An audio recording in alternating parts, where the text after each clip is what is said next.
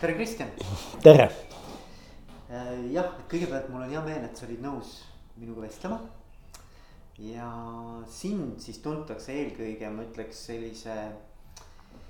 võib-olla ajajuhtimine on sihukene nagu iganenud termin, aga ütleme sihukese nagu tõhususe ja efektiivsuse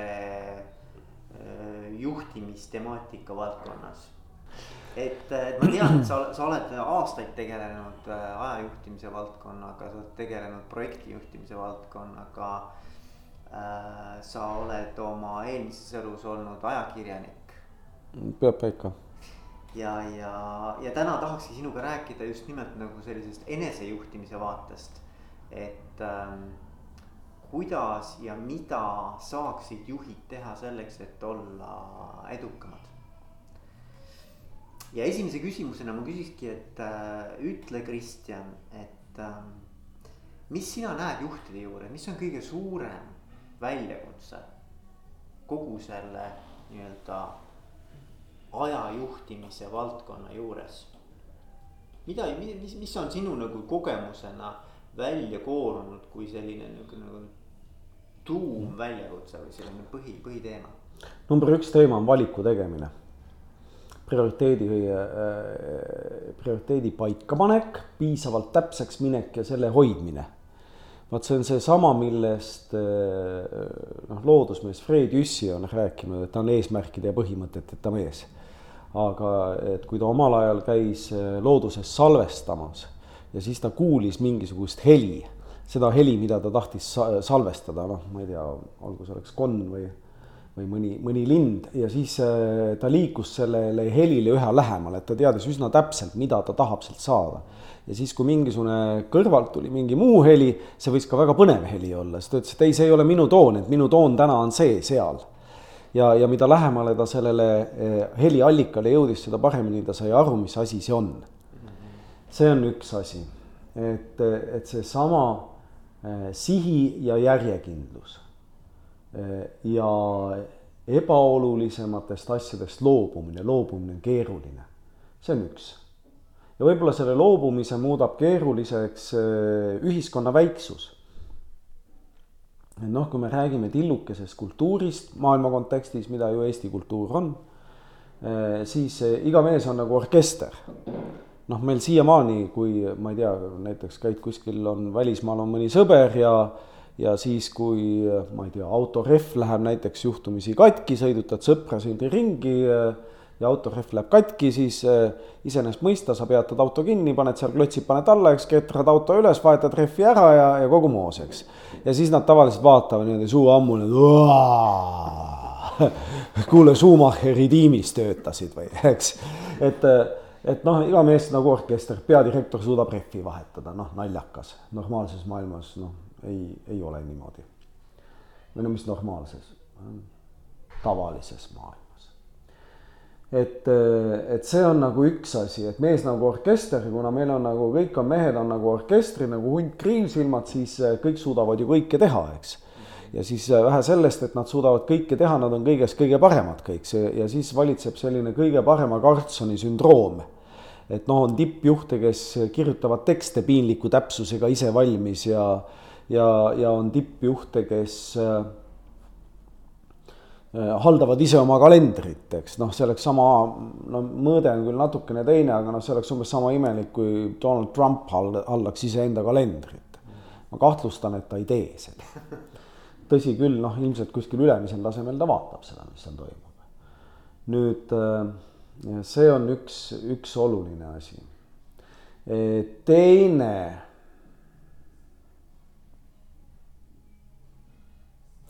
teine, teine asi, mis sellega on seotud, on, äh, ma kahtlustan, et keskendumisvõime äh, hajub, aga see ei ole ainult juhtide probleem.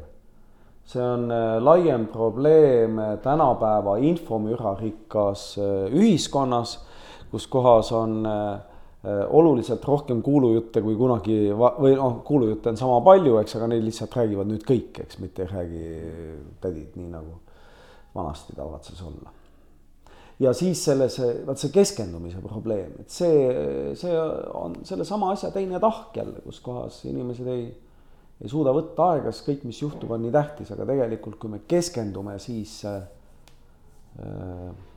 me veedame rohkem aega olulist, noh, paneme rohkem aega olulistele asjadele, see on seesama see vana hea Pareto printsiip, mis võiks kehtida, tavaliselt ei kehti sa oled ka rääkinud sellisest terminist või kontseptsioonist nagu rööprähklemine. rööprähklemine kui termin on pärit Kristina Ihinilt ja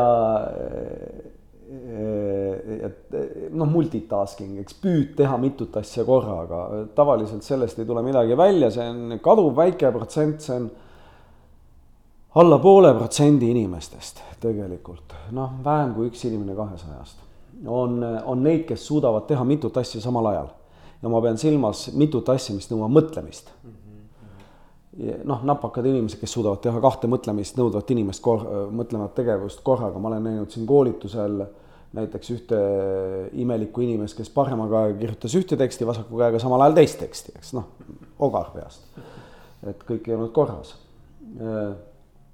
aga tegelikult isegi tema tempo aeglustus, kui ta hakkas kahe käega kirjutama, sest mis siis ajus juhtub, ajus juhtub see, et et siis tegevuste ümberlülitus hakkab toimuma, siis kui me teeme mitut asja korraga ja osal inimestel see ümberlülitus on kiirem, teistel on aeglasem. ja, ja, ja kui nüüd ja mida see kaasa toob, on see, et iga ümberlülitus nõuab aega. kui me vaatame ükskõik, ma ei tea, ükskõik kas elektrisignaali või närvisignaali, vahet ei ole. iga ümberlülitus võtab aega ja vaat see on üks koht, kuhu aeg kaob, kusjuures seal on ajupettus tekib. seal tekib see pettus, et aju ajul samal ajal on palju rohkem infot töötlemiseks, kognitiivselt. ja siis ajul jääb alguses mulje, et, et tassasade, kus ma nüüd alles töötan. et töö lausa lendab käes, aga noh, kurb hetk äh, saabub siis, kui äh, see, see töö tegemise aeg saab läbi ja siis vaatad tagasi ja tegelikult ei jõudnud tontigi teha. sest otsustusprotsess läks üsna suvaliseks ja et, et me ei saa nagu rööpräheles otsustada, otsus tahab aega saada, kui teha tarka otsust. kas seal on siis nii-öelda, kui nagu mõelda, et, et, et seesama, et see, see keskendumine, see valikute tegemine, eks ole, seesama multitasking, eks. Need on nagu tegelikult nagu seotud teemad, eks ju, noh, selles mõttes, et et kui tänapäeval mulle tundub, et, et on normaalne öelda, et kui küsid, et kuidas läheb, et siis noh, jube kiire on, eks ole et, äh, et noh, et, et, et kuidas tulla sellest nii-öelda sellisest äh, mõnes mõttes nagu nõiaringist välja, et sul ei olegi võimalik tegelikult sealt muud moodi välja astuda ju. kui sa äh, teadvustad, et selline business või selline nagu kiire. ma ei oskagi öelda, nagu kiire elutempo, kus sul tegelikult ei ole võetud aega selleks, et aru saada, mis on päriselt oluline siis sa jäädki neid nii-öelda ähm, nii-öelda keskmiselt lahendatavaid teemasid kogu aeg nagu äh, lahendama. et, et sa, kuidas sa, minu küsimus on tegelikult see, kuidas tulla sellest äh, välja? kummalisel moel me oleme, äh, no ajalugu ju kordub, eks, ja me oleme jõudnud taas aega, kus kohas äh, aeg on tõeline väärtus, et kui ähm, me vaatame noh, kasvõi isegi ei pea mõnda sajandit tagasi vaatama, vaatame sadakond aastat tagasi, siis äh, tõeliselt nooblid ja jõukad inimesed olid need, kellel ei olnud kiire. noh, nad ei pidanud rügama, et ennast ja oma neljateist last ära toita. nüüd äh, ja kui me vaatame tänapäeva siis taas me oleme jõudnud aega, kus kohas tõeliselt jõukad on need inimesed, kes ei pea rabelema, eks. nüüd seal on nüüd mitu asja, et, et noh, vaata, mida nüüd teha siis, et seda rabelemist ära lõpetada. esimene kõige lihtsam asi on arusaam või teadvustamine, selle rabelemise teadvustamine ja siin on kaks võimalust, et kas sa nüüd astud sellest rattast vabatahtlikult välja, üks võimalus, või siis teine võimalus on see, et sind võetakse sealt välja. noh, parimal juhul äh, lähed lihtsalt teisele poole ära, siis ei ole enam mingit muret, et kiire oleks, eks.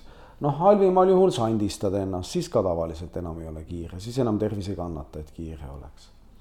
noh, nutikas oleks ju ise välja astuda noh, et palju meeldivam on karusselli pealt ise maha istu-, astuda, kui lasta ma ei tea, kunagi nõukaajal oli, oli Kadriorus Tallinnas oli lõbustuspark ja seal oli üks atraktsioon, mille nimi oli Sürpriis. mis üks ketas, mis käis niimoodi ringi ratastes, inimesed seisid, seda kutsuti rahvakeeles kookserattaks. ja, ja, ja noh, sa ei saanud sealt maha, et see kolm minutit nagu sa tiirutasid seal ja kes oksendas, oksendas endale näkku, vabandust, eks ja noh, kõikvõimalikud muud legendid sellest kahest militsionäärist, kes, kes öösel lõbustusparki valvasid ja ja, ja siis mõtlesid, et teevad lõbusõitu, aga nad ei tulnud selle peale, kuidas ratas seisma panna. ja siis äh, legend räägib, et kui hommikul siis ratas seisma pandi, siis üks läks hulluks ja teisest sai kosmonaut. aga noh, see on selline noh linnalegend ilmselt, eks aga mis päriselus juhtub, et kui sa nüüd lähed sinna sellisesse äriala sürpriisi sisse ja sa ei tea, kuidas seda ratast seisma panna, siis jah, mõnest üksikust vist saab kosmonaut, aga suurem osa läheb hulluks või sureb ära et, et oluline on see, et sa saad aru, et see vaja, tempo mahavõtmise vajadus on olemas. Ehm, vaata üks Kanada eneseabikuru siin, üks Robin Sharma. Ega see tegelikult ei ole üldse tema mõte, ma, ma kunagi ajasin seda mõtteallikat ka taga, selle mõtteallikas oli üks üheksateistkümnenda sajandi Ameerika protestantlik teoloog, kelle nime ma olen elegantselt ära unustanud. aga ühesõnaga, Sharma nüüd vahendab tema mõtet, mis ütleb, et no mõnikord tasub mõelda selle viimase päeva peale.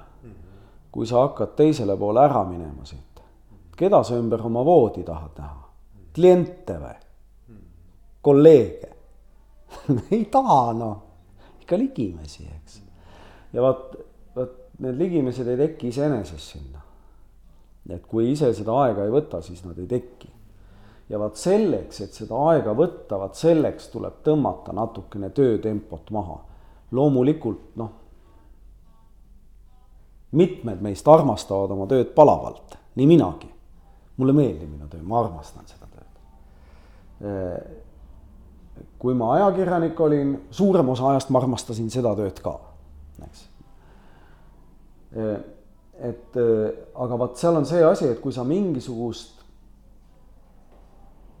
tegevust armastad, sa pühendud sellele, siis elu kipub kiiva minema ja vaat siis on tarvis seda ratast väljatuleku aega, kus kohas vaatad, mis siis tegelikult toimub.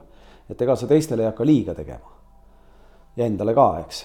Ja vaat, vaat see ratast väljatuleku hetk on see, mis äh, aitab tekitada keskendumist ja aitab tõmmata tempot maha ja leida arukamatele asjadele aega. Neid äh, ratast väljatuleku viise on mitmeid, need on erinevatel inimestel erinevad. mõnda inimest kannustab ainult peks. mul oli siin üks coaching'u klient, äh, üks tippjuht, temaga juhtus selline lugu, et teda tabas üks haruldane lihas, lihasaja haigus mis äh, lõi ta umbes noh, mõne tunniga lõi ta voodi haigeks järgmiseks kolmeks nädalaks. ja ta ei saanud rääkida ka, sest et liigutada lõõg oli nii kuradi valus ja siis viimase asjana ta vist palus abikaasale äntsri tuua ja siis pani selle endale pähe ja siis nende liikuvate lõugadega ja siis jagas need viimased asjad ümber laiali ja siis ütles, et nüüd kolmeks nädalaks levist väljas, eks ja, ja, ja siis, kui me pärastpoole, kui ta jälle normi ennast sai, siis ta ütles, et see haigus õpetas teda oluliselt rohkem kui need arengutoe sessioonid, mis meil olid, et noh, et, et ra-, mulle kulutatud raha oli raisatud. aga haigus õpetas palju rohkem, haigus õpetas, et tegelikult olulisi asju on väga vähe. ja vot kuidas sa nüüd nendeks olulisteks asjadeks aega võtad, eks noh, üks viis on see, et sind tõmmatakse rajalt maha, teine viis on see, et seda saab ka ise teha noh, mingid pisiasjad.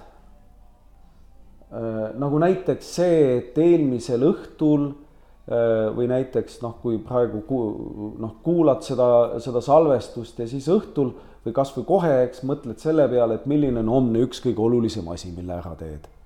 eks, üks. Äh, ma ei ole järgi kontrollinud aga et kas sõnal prioriteet on eesti keeles päriselt ka mitmus olemas, tegelikult ei tohiks olla. noh, prioriteet on üks, see on tegelikult binaarne süsteem, kas sa teed midagi või sa ei tee nii lihtne see ongi. nüüd ja, ja, ja siis üks asi on see, et õhtul korra võtad hoo maha ja, ja mõtled, et milline on üks homne oluline asi, mis saab tehtud. ja teine mõte on see, et kus kohas viskab pilgu tagasi ja, ja, ja siis vaatad tagasi ja, ja küsid enda käest, et äh, paar küsimust, kõige lihtsamas variandis lihtsalt kaks väga lihtsat küsimust, üks, mille üle täna on hea meel, äh, mille üle sa oled tänulik täna, mis läks väga hästi. Äh, ja just nimelt see tänulikkuse Mm, mõistmine, tunnetamine, see aitab ratast välja tulla. ja teine küsimus on noh, lähtuvalt meie protestantlikust taustast, äh, äh, noh, töö teeb õndsaks ja šallala, eks, siis äh, on see, et et mida, kuidas ma saan seda protsessi optimeerida, kui me räägime tööelust noh, eraelu protsessi noh, ainult loll optimeerib, eks, et noh, see on, siis oleks aeg ilmselt välist abi otsida, kui inimene hakkab eraelu optimeerima. nüüd tähendab, ma ei pea silmas praegu näiteks laste trenni transamise marsruuti, aga näiteks kui hakkad seda optimeerima, et kuidas, ma ei tea. võimalikult kiiresti naisega kõik jutud ära rääkida jah, näiteks või siis kuidas viia talle optimaalne kogus lilli, tegelikult seda niikuinii välja ei mõtle. nüüd, aga see selleks, eks. nüüd ja, ja, ja, ja siis äh, iga päev võiks vaadata, vaata, on olemas ju pro, liini protsessi juhtimise metoodika. Ja liini üks põhimõisteid on, on maakeelde on see tõlgitud muda, et noh, see ilma milleta ju asi toimib ka. mida ei ole vaja selle olulise suuna mõttes silmas pidada. ja nüüd, kuidas seda muda välja rookida. ja vot iga päev võiks küsida kahte küsimust, et esimene on see, et millest ma olen tänulik, mis läks hästi, järelikult seda tuleb hoida, säilitada, kultiveerida ja nii edasi, eks see toidab meid. ja teine on see, et kuidas rämps välja visata. kas või üks tillukene asi vaata, on üks jube hea film, üks noh, eks häid filme on palju, aga äh, suurepärane dokfilm mõne aasta tagant, Jiro äh, Dreams of Sushi. Jiro unistab sushist või näeb und sushist. ja, ja, ja see räägib ühest äh, Jaapani vanameistrist Jiro Onost, kes peab ühte äh, sushibaari, mille nimi on Jiro Sukebashi, ühes Tokyo metroojaamas.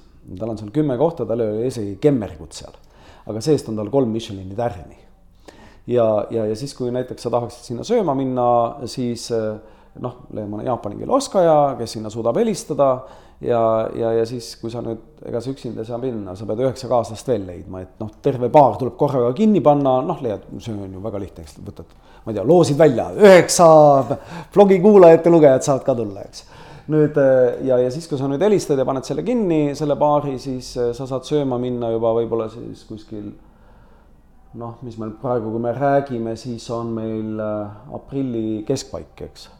Noh, siis mingisugune. noh, kui hästi läheb kuskil novembri lõpus, jõulude paiku võib-olla. järjekord on kuus kuni üheksa kuud. ja siis see nelikümmend minutit sussi nibistamist, kate kestab nelikümmend minutit, see läheb maksma kolmsada viiskümmend eurot per naase. noh, kolm tuhat viissada eurot per kate. ja see on tõenäoliselt üks maailma kallimaid sushibaare üldse. aga põhjus on selles, et see meister Ono äh, on teinud, vot peaks vaatama, kas ta ikka veel elus on. Ja, ja, ja selle dokfilmi tegemise ajaks ta oli teinud sushit seitsekümmend kaks aastat wow.. eks, et siis ta oli vist kas kaheksakümmend üheksa ja seitsmeteistkümnesena hakkas ta tegema. umbes niimoodi, ma võin siia-sinna mõne aasta eksida. üle seitsmekümne aasta sushi kogemust ja ta teeb, nüüd ta enam ei tee iga päev sushit, ta peamiselt jälgib seal ja ühel päeval nädalas paneb korra käe külge ka. aga ta teeb iga päev natuke paremat sushit kui eelmisel päeval ja vaata, kui sa oled seitsekümmend aastat sushit teinud, siis tõenäoliselt paremat sushit maailmas ei ole hetkel. eriti ja, kui sul on see kontseptsioon, et iga päev. ja iga, krõpsukene, eks. ja vaat samasugust asja saab tegelikult igaüks teha, et iga päev vaatad tagasi, kuidas ma homse elan veel, no krõpsukene, krõpsukene mõtestatumalt ja paremini. hästi natuke, eks. ja, ja siis äh, tehakse, kui sa niimoodi teeksid, siis sinust tehtaks ka dokfilm. see see on iseenesest ülikõva kontseptsioon. Ja kogu see investeerimine on ju ka samad, samal kontseptsioonid, et, et, et sa, sa nagu natukene iga natukese aja tagant suudad kokku hoida ja investeerida, siis see compounding nii-öelda see, mis siis nagu koguneb ja, ja nii-öelda eksponentsiaalselt kasvab, siis, siis, siis kohutav jõud on sellel taga. Jah, eile just käisin kuulamas Mati Vettevoolu ja ja siis äh, muuhulgas äh, ta tõi selle, et noh, et, et kuidas ta see kalaäri nagu nii ägedaks on kasvanud ja siis ta ütles, et noh, et seal on lumepalli efekt, et ei ole tema mõte, aga ta ei mäleta ka, et kelle mõte see täpselt oli, aga aga et kui sa hakkad seda lumepalli mätsima sulalumega, siis see no, on üksjagu palju tegemist. eriti kui veel ei oska ka, et kui noh, kui sa vaatad, kuidas tead, niisugused kolmesed mätsivad või kahesed oma esimesi lumepalli, igavene jant on sellega, eks no ei tule välja ja siis, äh, aga nüüd, kui sa hakkad lumememme tegema, siis mida suuremaks see lumepall muutub, seda rohkem sinna hakkab lund külge jääma, eks. ja vaat tegelikult sama lugu on siis, kui sa mõtestad seda, mida sa teed, et seda mõtet hakkab üha enam sinna külge jääma. tuum läheb muidugi sügavamale, aga see tuum muutub noh, nagu kindlamaks või et see suur lumepall ikka sulab tükk aega, lõpuks sulab muidugi ära. et see on tähtis jah. et, äh, et mõtestada seda, et noh, et sa kogu aeg vaikselt parendad seda asja, et siis lõpuks tuleb juba täitsa hea välja. aga räägi sellest poolest ka, ma arvan, et paljud räägivad, saavad aru sellest, et, äh, et kuidas nii-öelda mingeid asju peab nagu prioritiseerima. aga, aga see pool just, et mis on need asjad, millele sa pead ei ütlema või et, et, et kuidas nagu vaata selleks, et millelegi nagu ruumi teha, sa pead nagu millestki loobuma, eks ole. et, et ma, ma arvan, et see on nagu üliraske äh, võib-olla, võib-olla isegi raskem kui see, et keskenduda sellele olulisele. ja loobuda on ju keeruline mm. -hmm. inimene on, on noh, üsna avlas loom. tarbib kaugeltki rohkem, kui tal vaja on ja, ja siis ahmab noh, igasuguseid töid ja tegemisi ka kaugeltki rohkem, kui vaja. üks Ameerika müügi ja ajajuhtimise koolitaja Brian Tracy. tema soovitab seda, et et siis, kui aeg kaob kätte ära, siis tema on noh, just peamiselt juhtidele orienteerunud ja siis ta ütleb, et, et üks võimalus on teha mitte to do list, vaid not to do list. ehk siis asjad, mida sa teed, aga mida tegelikult ei ole vaja teha. ja siis pidevalt tšekkad, et sa ei teeks neid asju, eks. et, et see on nagu üks asi, mis võib-olla toimib. teine no needsamad, no vot kuuekümne kuuendal aastal avaldas Peter Drucker oma, oma raamatu Defective Executive tõus tegevjuht. ja tegelikult läbi selle raamatu ju kõlab tal see mõte, et alati esimese asjana küsi seda, et mis siis juhtuks, kui ma seda asja üldse ei teeks. eks noh, kui ei juhtu mitte midagi, ära tee. et kas järgmine küsimus, et kas ma teen ainult neid asju, mida ainult mina saan teha, mitte keegi teine. juhul, kui seda tegevust saab keegi teine ka teha, anna tegevus käest ära, et keskendu sellele, mida ainult sina saad teha, eks mitte keegi teine ei saa noh, see on seesama lugu ju nagu, nagu meie intervjuuga, et kuna ta on mõlemalt poolt looming, siis loomingut ei saa delegeerida, välja arvatud juhul, kui sa töötad kunstitehases a la Mark Ostavi, eks. noh, seal on võimalik loomingut delegeerida. nüüd aga, aga, aga sellisel moel näiteks seda ei ole võimalik delegeerida, siis see enam ei oleks üleüldse see, mitte et see nüüd halvem oleks, mis välja tuleks, võib-olla palju parem hoopis eks, aga sellisel moel päris seda asja ei tule sealt, eks et eh, jah, et kas seda tegevust saab anda kellelegi teisele ja, ja sageli vaat inimesed ei raatsi tegevusi käest ära anda, sest teine ju keerab selle tuksi. mul on enda arusaam, aga see hakkab pihta, kahtlustan, et see no ühel pool noh, eks ta jõuab usaldusse välja, aga seal on peamiselt see asi, et äh, ma suudan aktsepteerida seda, et teised maailmad peale minu maailma on veel võimalikud. et ka teistes ökosüsteemides on elu. et noh, ma ei noh, kui ma, ma ei tea, kui ma nüüd väidaks, et ma olen absoluutne, siis tõenäoliselt ma vajaksin ravi. ja võib-olla isegi ma saaks terveks, eks, kui hästi läheb. E, e, aga, aga samal ajal, kui inimesed väidavad, et nad suudavad mingit asja, nad teevad maailma parimal moel, kuidas see käib ja see on ainuõige viis, eks. noh, siis, siis ega see, see sellest väga kaugel nüüd ei ole ju absoluutsusest, et, et see on see äkki Uku Masing või ma, ma nüüd ma võin mööda panna, minu arust Uku Masing kunagi defineeris sekti eh, liikumisena, mille juht ütleb, et, et mina olen prohvet, see viimne ja see kõige õigem ja pärast mind enam ei tule kedagi, eks noh, vabalt parafraseerides ja, ja, ja, ja siis väga palju inimesi käituvad väga tihti samamoodi, et noh, nagu, nagu nemad oleksid prohvetid ja need viimsed, eks ju, pärast neid ei tule enam mitte midagi. siis mul on nii palju maailmale anda, eks aga, aga noh, ma ei tea, võib-olla on tõesti selliseid inimesi, minu empiirilised uuringud, mis praegu on kestnud natuke üle neljakümne aasta, eh, on näidanud seda, et maailm toimib ilma minuta ka suurepäraselt. Nojah, seal võib-olla on see, vaata, mis mulle on öeldud, et, et mul on lihtsam see ise ära teha, kui hakata seletama täpselt, mida ma ootan mm. -hmm. aga noh, see on ka ju tegelikult jällegi nagu lõks, eks ole. noh, vaata, vot see on see, asi, et kui pikk pikka ajaruumi sa vaatad. et kui sa noh, käitud nagu nüüd kogu respekti juures äh, teismeliste ja hilisteismeliste vastu, siis äh, noh, kui sa käitud nagu äh, koolilaps või siis noh, nagu tudengisündroomi põdevad inimesed, eks. et sa vaatadki ainult noh, kui küsida, et kui pikk aeg on väga pikk aeg nende jaoks, siis see on umbes kaks tundi. nüüd, et noh, liialdades, ma praegu teen liiga natuke. aga et kui sa, miks ma teen liiga, sellepärast ma just käisin äh, Ida-Virumaal ühes koolis koolitust tegemas mm -hmm. õpilastele. Ja seal näiteks äh, üks äh, äh, noor, ma arvan, ta võis olla üks kuusteist aastat vana, seitseteist. tema näiteks joonistas täitsa rahulikult kaks tuhat nelikümmend aasta perspektiivi üldse muretsemata, et kas maailm üldse siis alles on aga noh, ta oli väga selge ja kaks tuhat kolmkümmend on see, kaks tuhat kakskümmend on see, aga kui juhtub sihuke asi, siis ma kohanen, eks. ja, ja hästi äge oli. Tulin sealt tagasi, tuju oli nii hea. Et kui sellised inimesed pääsevad võimule, siis maailm jääb alles. Aga see selleks, eks, ja vaata, seal on, seal on, vaat kui sa vaatad lühikest perspektiivi, kui sa vaatad, noh, ma ei tea, kahte tundi. Muidugi ma viskan ta valmis, eks, valmis on tehtud, ilgelt hästi on tehtud, raskelt hästi, eks, keegi maailmas ei tee meid paremini, eks. aga kui sa nüüd vaatad natukene kaugemale, näiteks nädalat, siis noh, praegu ma võtsin näiteks kaks tundi selleks, et see allpool minu kvalifikatsiooni tegevus meisterlikult ära teha. mõnu, õnnehormoonid lendavad kohe ju peale laksust ka, eks, ma, oi tubli Kristjan oi küll, küll sa oskad seda hästi teha, oi, sa oled seda varem ka teinud, eks näed, sa oled ikkagi viiskümmend kuus tuhat tundi seda teinud, näed, iga kord tuleb veidi parem välja. eks, aga kui sa vaatad asja nädala perspektiivis, siis täpselt seesama kaks ja kaks tundi jäi mul puudu sellepärast, et teha mingisugune väga oluline asi ära, mis oleks olnud palju kasulikum, eks. Noh, hüva, ma oleks võib-olla delegeerimisele kulutanud viis tundi.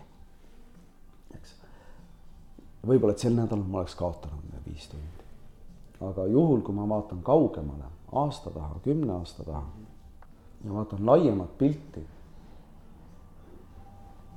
et mida see noh, vaata, kui sa noh, delegeerid või annad kellelegi tegevuse edasi, ega see teine inimene ju loll ei ole. Tema õpib samamoodi seda asja tehes. ja kui ta lahendab seda enda viisiga ja me saame koos arutada, milline tulemus on mõlemale hea siis äh, teinekord ta ju tuleb väga hästi toime ja mis veel parem, ta lõpuks teeb palju paremini kui mina. eks, ja sellega ma tegelikult maksimeerin ju organisatsiooni kogu kasu ära. ja peale selle, see on pisiasi, aga peale selle see inimene areneb ju, ta muutub palju paremaks, eks, ta suudab maailmale palju rohkem anda. ja vot sellepärast on äh, inetu olla ahne ja kade eks, et, et ja loomulikult on juhte, kellel tuleb delegeerimine imehästi välja ja kes on meistrid ja, ja on näha, et neid tavaliselt neid ümbritsevad sellised õilmitsevad meeskonnad. Kus kohas on initsiatiiv on au sees ja, ja töö on au sees ja arenemine on au sees ja eksimine on au sees. noh, vigade tegemine käib selle juurde. ilma vigadeta ei saa õppida jah, ei noh, see on õige muidugi, seda ma mõtlen ise ka, et, et, et tegelikkuses äh, kui sa tahad kõike ise ära teha ja, ja noh, mõnes mõttes see on usalduse teema, eks ole, et sa ei nagu ei usalda tegelikult anda mingeid asju ära. siis mulle tundub, et äh, sul kas on valed inimesed värvatud. noh, eks ju, tiimis on valed inimesed või sa pead ikkagi tegelema iseendaga ja oma sellise just nimelt nagu äh, prioriteetide ja valikute äh, nagu selginemisega. et, et, et sul ilmselgelt muidu sa, sa ei jõua kõike ära teha, sa ei saa lihtsalt, siis on niimoodi, et kui sul on kümme asja laual, tahad kõike teha suurepäraselt, siis sa ei tee ühtegi äh, suurepäraselt, võib-olla teed, ütleme neist kümnest, ma ei tea, kuus-seitse keskmiselt, eks ole jah, seal on jah, kas inimeste vale valik või siis vale prioriteetide valik või siis vale ülesannete jaotus.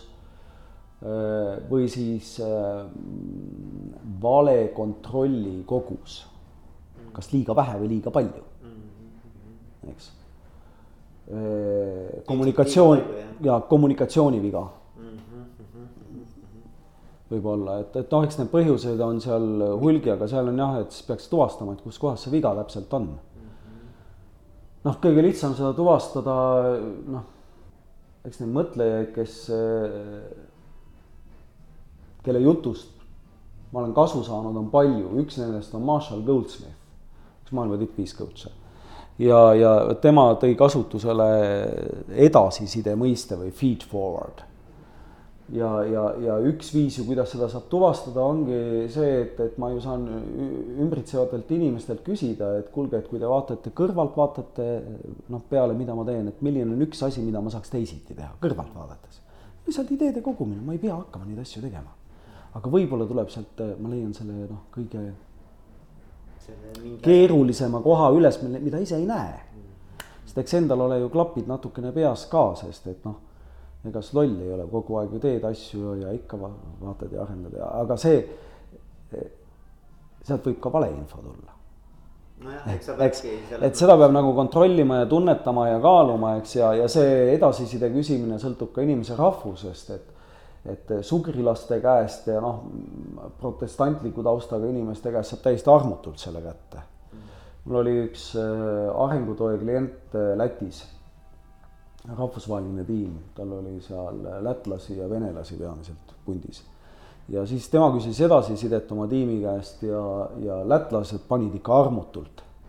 nii et äh, noh, juhil oli pisar silmas, kui hakkas lugema pärast. ja, ja ja ta ütles, et valus oli, aga väga kasulik. ja, aga venelased ütlesid, venelastelt ei saa mitte midagi.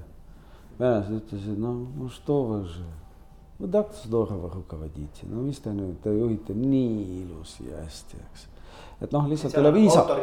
ja, ja seda ei ole ka viisakas, ei ole öelda, eks, aga eh, viimasel ajal, eh, vaat kui ma küsin pärast koolitust tagasisidet, siis sageli ma noh, ma küsin ka parenduskohti, mis on minu jaoks kõige olulisem osa tagasisidest. Ja kui inimesed panevad armutult ja pakuvad seal mingeid asju, mida teisiti võiks teha, seda näitab seda, et nad on olnud täiega protsessis kaasas, eks ja, ja mõnikord ma ei võta neid kuulda ja mõnikord ma võtan, eks.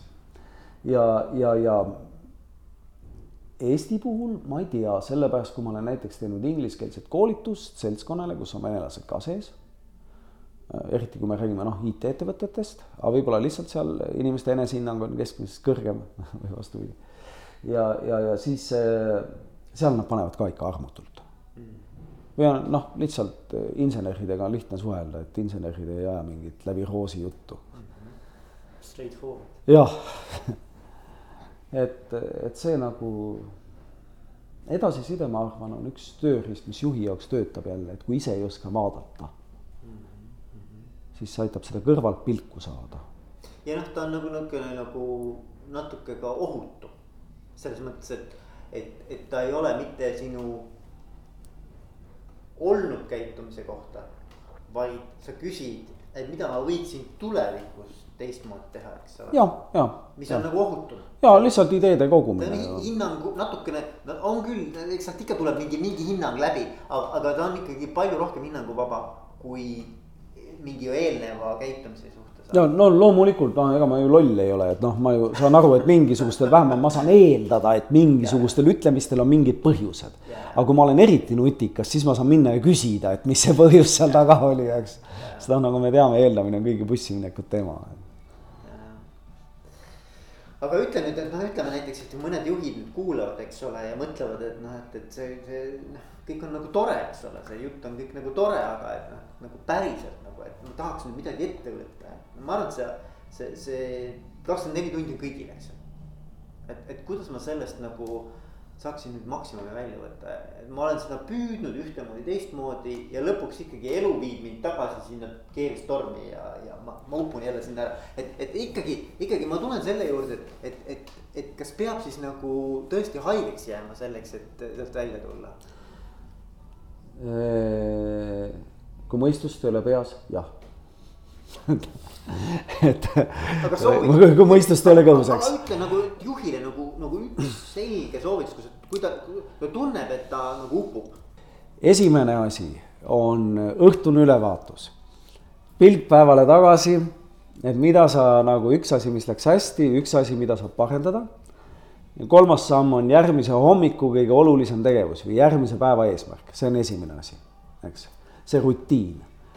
teine on see, et võtad korra kuus, võtad kümme minutit ja siis äh, küsid enda käest, et milline on järgmise kuu äh, oluline teema, mis järgmise kuuga saab tehtud, üks suur asi okay., eks. ühte ei suuda valida mitte üle kolme. aga juhi aga tasemel. ideaalis võiks üks olla. ideaalis üks juhi tasemel ma tegelikult ju peaksin suutma üldistada, eks, mis on see üks, mis on järgmise kuu teema loomulikult kõik teised protsessid ju toimivad seal taga, mis see üks teema on.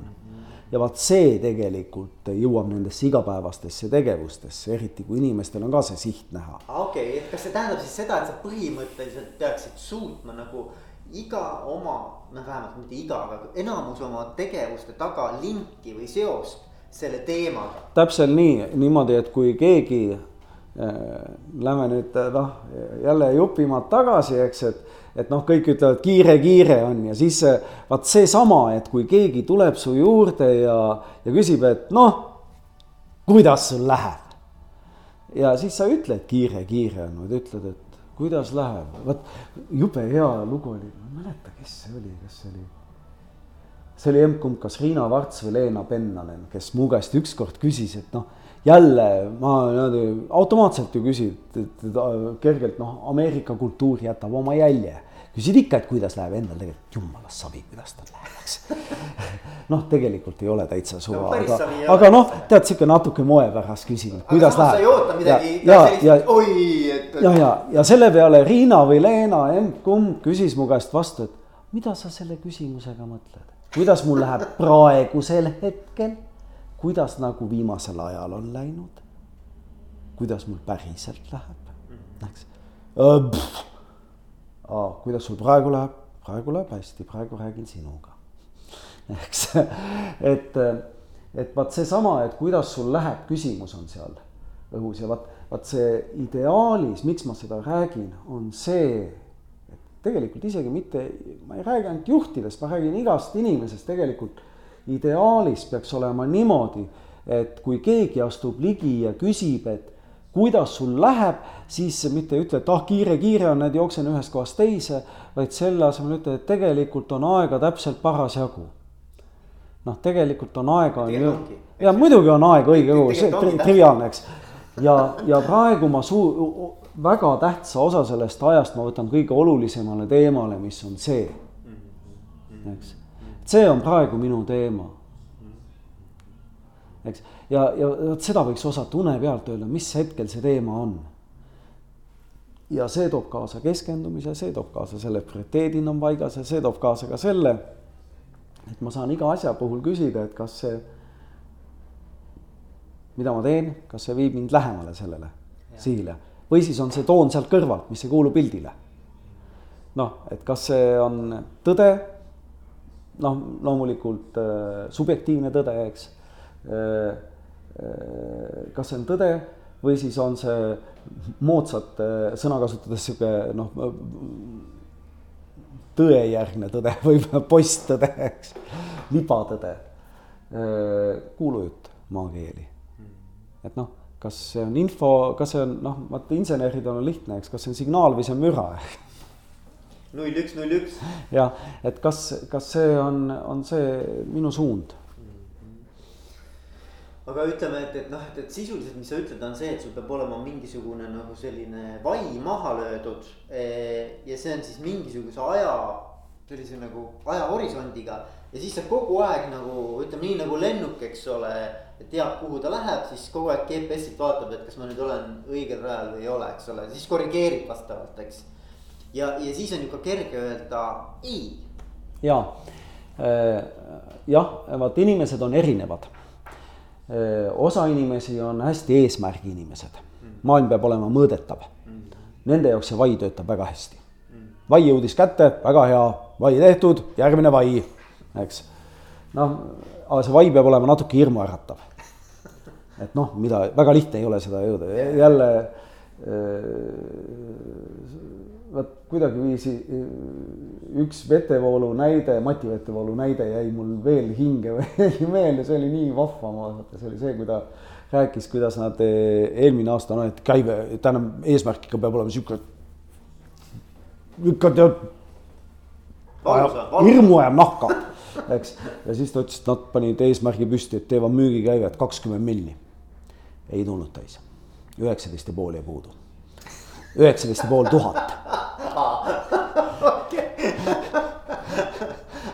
eks ja, ja, ja, ja, ja, siis, et Jaapanisse siis pidid kuuskümmend alust kala viima, ühe aluse peal nelikümmend kaheksa kasti, tohutu kogus.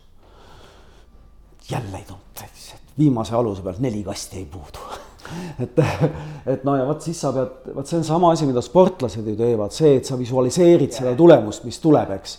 Ja, ja, ja, ja, ja, ja alati natukene rohkem, eks, niimoodi, et see nõuaks pingutust. ja siis sa jõuad sinna lähedale, see on üks tüüp inimesi, eks. ja teine tüüp inimesi on neid, kes on pigem suuna ja visiooni inimesed, kelle jaoks on tähtis see, et see suund, see noh, ka tunnetuslik suund on õige. võib-olla ma vahepeal ei muudagi, vahepeal ega kumbki nendest tüüpidest ei liigu ju otse noh, ainult loll läheb otse. et noh, see on täpselt nagu GPS-iga, ma ei tea, oled sa kunagi proovinud näiteks, ma ei tea, sõita võtame mingi veidi keerulisema teekonna, Tallinnast Viljandisse kõige otsesemat teed pidi. ilmselt ei ole. ahah, äh, mina olen, kus kohas ma seda koolitust tegin, Energiatalus, mis on äh, on üks päris vahva koht. ta on siis Suure-Jaani ja Vändra vahepeal. noh, Soomaa serva peal ja, ja siis ma tegin ükskord seal koolitust ja siis üks seltskond tuli kohale GPS-iga, ütles, et nad panid huvi pärast peale, et auto GPS, et juhata meid kõige otsesemat teed pidi kohale ja mitte, et nad mulle helistanud oleks, aga nad jõudsid kolm tundi pärast algust kohale. Nad, nad sõitsid Tallinnast sinna seitse ja pool tundi enam-vähem, nad ütlesid küll, et nad teadsid, mis tuleb, nad hakkasid kell viis hommikul tulema, eks. aga nad jõudsid sinna kohale mingisugune enam-vähem lõunasöögiks tead. ja nad ütlesid, et no Eestimaa on küll väga ilus, aga nad mitu korda nad, nad pidid siiski tagasi sõitma, sellepärast et jõgi tuli ette. ja, ja, ja, ja nad ei jätnud jonni ka et no ja see auto oli nagu noh, autot ei olnud näha enam-vähem. no vot, et see on see kõige otsesem tee, eks. tõsi küll, kogemusi said nad väga palju. et ja vaat, et noh, hea on minna mööda optimaalset teed, mis mõnikord on veidi pikem, aga tavaliselt ta on kiirem et, et see on, see on jah, üks asi, et kuidas see, see optimaalne tee leida ja sa mõtled ikkagi, vot see teist tüüpi inimesed, nagu sa nüüd mainisid, eks ole, kellel ei ole seda nagu mõõdetud vaia, aga neil on nagu see üldine tunnetus või selline Jaa. nagu. kas see on siis nagu, nagu väärtuspõhine rohkem? noh, eks ta, eks ta on, no mõlemal on ta väärtuspõhine, ega sa ju väärtustega vastuollu ei saa minna, sa võid lühikeseks ajaks, osa inimesi läheb väärtustega vastuollu, aga. pikas, pikas perspektiivis see ei toimi, noh, inimene läheb hulluks või halvemal juhul teeb endale otsa peale siis kui on väärtuste konflikt. ta hakkab ennast ise saboteerima. ja, ja täpselt, eks, et, et tegelikult väärtustepõhised on mõlemad, aga aga see tunnetus ja küsimus on selles, et kas ma liigun ikka õiges suuna, suunas, et et ja, ja seesama, et, et aeg-ajalt ma mitte ei vaata seda vaia, aga ma vaatan seda silmapiiri. Mitte, et ma kunagi jõuaks silmapiirile, ega silmapiiri kinni ei püüa okay,. eks, aga, aga ma vaatan seda suunda, noh seda. et... sa mõtled, et see, see on isegi nagu natuke defineerimata. ja, ja ta on. see on mingisugune selline nagu. ega sa täpselt. sihuke I have a dream. ja, aga noh. nagu noh, see rohkem, et siukene nii-öelda mingi, mingisugune ideaal jaa, aga vaata, vaat seesama, see ideaal, noh, see on see noh, poollapsik äh, Walt Disney äh, kunagine tsitaat If you can dream it, you can do it, eks, kui sa suudad sellest unistada, sa suudad tegelikult seda teha ka ja ja loomulikult silmapiir jääbki püüdmatuks. aga ma liigun, noh, ma saan väga selgelt aru, kus suunas ma liigun ja kui ma vaatan silmapiiri, siis see, see hoiab ära uitamise, sellise ringiratast ekslemise sest et see suur siht on ju paigas, noh, et kui keegi näiteks noh, sellega haakuv näide minu jaoks, mis ikka ju püüad leida paralleele või mõtestada asju enda jaoks endale arusaadavas keeles. ja siis äh, vaat motokoolitusel tehakse seda asja, tavalises motokoolis, ma ei tea, kas seda õpetatakse, meil ei õpetatud kahjuks, aga ma olen jõudumööda äh, olen käinud seal, pagan ta nimi nüüd on. ei, see motomatkajate kamp teeb seda Moto Survivalil okay.. ja, ja, ja seal on üks esimesi asju, mida õpetatakse, on see, et kui sa tahad võimalikult äh, väikese raadiusega ratta ümber pöörata, no mitte kummuli pöörata, vaid noh, suunda muuta, eks teisele poole minna äh, siis kõige lihtsam viis on see, et keerad pea nii kaugele, kui ulatud ja siis sa vaatad silmapiiri eks, sa ei vaata seda kohta, kuhu sa tahad välja jõuda, sa vaatad silmapiiri ja mis juhtub, on see, et perifeerne nägemine korjab siis kogu ülejäänud info korjab kokku. ja, ja sa keerad, pöörad ratta võimalikult optimaalselt ümber. ja vot täpselt sama asi minu jaoks on suunda vaadates, et, et kui sa vaatad seda silmapiiri, noh, kuhu sa mitte kunagi ei jõua, aga sa liigud selle suunas siis see perifeerne nägemine korjab kogu selle info sealt ümber, ümberkaudu pööra-, noh, korjab kokku. inimese vaateväli on noh, kui paned sõrmed paned kõrva peale, kõrvale ja siis liigutad sõrmi ja siis noh, kui käed on ees, siis hakkad liigutama neid niimoodi tahapoole, siis vaatad, kui kaugele sa sõrmi näed. kuskil selja taha, selja taha päris ei näe, päris nagu ämblik ei ole, eks, aga peaaegu mingi sada kaheksakümmend kraadi, eks, on tegelikult see pilgulaius, no üles-alla on vähem natuke, kõvasti vähem ja, ja, ja vot, vot tegelikult kui ma avardan seda pilguvälja, et ma suudan seda infot eh, kinni püüda, aga samal ajal ma ei kaota seda tähelepanu. vot siis eh, on liikumine optimaalne. Ja, ja veel enam, kui ma aeg-ajalt keeran korra pead ka vilksti pea otsas ja vaatan, mis selja taga ka toimub ja igal pool mujal üleval ja all ja ja, ja siis on äh, info olemas, mitte nii hea kui ämblikul, aga noh, natuke parem ikka kui silmaklappide kaubusel aga see on huvitav jah, et, et ühesõnaga, mida sa tahad öelda, on see, et kui sul on see nii-öelda silmapiir silme ees, silmapiir on nagu selge, siis, siis tegelikult ka need asjad, mis sind võib-olla segavad siin mm. nii-öelda selles hetkes. sa oskad nagu need ka nagu, need jäävad kuidagi nagu noh, sa, need ei häiri sind või need nagu ei, ei tõmba sind kaasa kõrvale nagu. vaid et sa just nimelt, et noh, sa tegelikult äh, liigud selles õiges suunas ja võtad selle täpselt, mis sul selleks liikumiseks vaja on. ja ma registreerin need asjad ära, mis siin on, noh, ma saan aru, et nad on olemas, eks aga samal ajal ma ei pööra neile liiga palju tähelepanu. sa ei anna neile oma, oma aega või oma energiat nii palju. jah, vaata, vot see on seesama asi, millest, millest räägivad erinevate, see on erinevates noh, asi, mida me läänes nimetame mediteerimiseks, eks. et erinevad mediteerimis, ükskõik kas kujustuse või, või mõtluse õpetajad ju räägivad sellest, et kõige lihtsam, üks lihtsamaid viise, neid viise on erinevaid, meele vaigistamiseks on see, et kui noh, sa istud ja ei mõtle mitte millelegi ja nüüd tuleb mingi uitmõte tuleb pähe, aga pagan, kuidas sellega küll saab, eks. ja siis, kui sa lihtsalt registreerid ära, näed, sihuke mõte oli, ahah.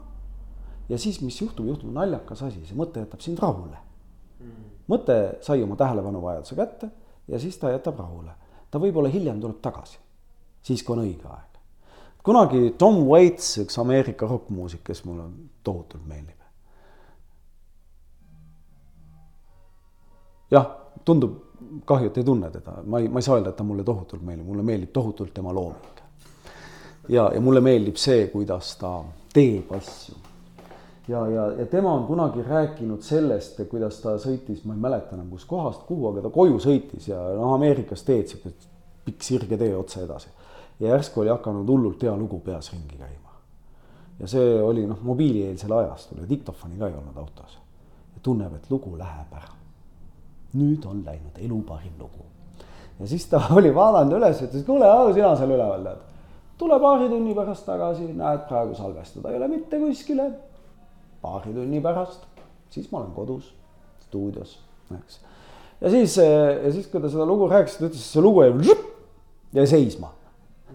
ja siis sõitis edasi ja mõtles oma suvalisi mõtteid ja nimis vaikselt omaette ja, ja, ja kui ma ei tea, ja siis, kui ta jõudis koju ja siis, kui ta oli stuudiosse läinud, siis järsku hakkas niimoodi, hakkas täpselt sama lugu jälle peas ringi käima, eks. et vot see on tegelikult usalduse küsimus. see, et õiged asjad juhtuvad õigel ajal õiges kohas. me saame ise sinna teatud piirini kaasa aidata. õige veidi mõjutada asju ja vot kui, kui seesama, see mõjutamise suund või tõukamise suund, vot, vot oluline ongi, vot enne me rääkisime sellest silmapiirist ja, ja sellest prioriteedist ja vaat kui see taoismis on selline mõiste olemas nagu Wu-Wei printsiip, tegutsemine tegutsemata. ja, ja, ja vaat kui ma tegutsen harmooniliselt, ja harmoonia all ma mõtlen seda, et see tegutsemine on kooskõlas kogu ümbritseva maailmaga.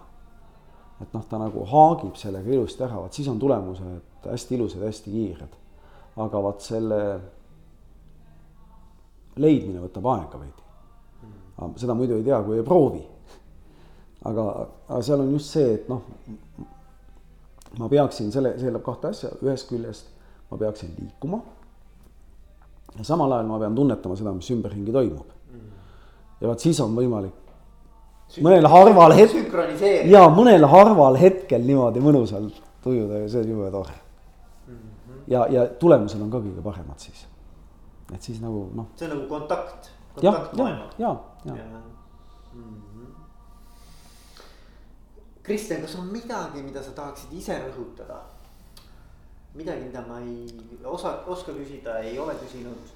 midagi, mida sa tahaksid tegelikult äh, välja tuua?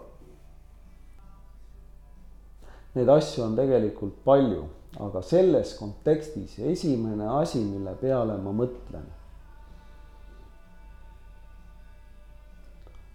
on äh, mõtestatus, tajutud mõtestatus.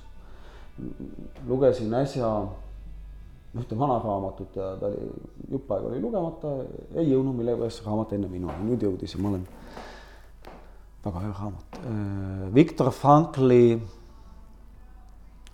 In search of meaning või?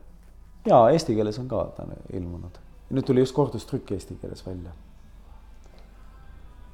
ja lugesin, lugesin seda ja, ja vot seal ta räägib sellest, ta lõpus räägib ka logoteraapiast seal ehk siis selle noh, teraapia, mis kasutab elu mõtet. Inimese elutahte loomisel ja hoidmisel.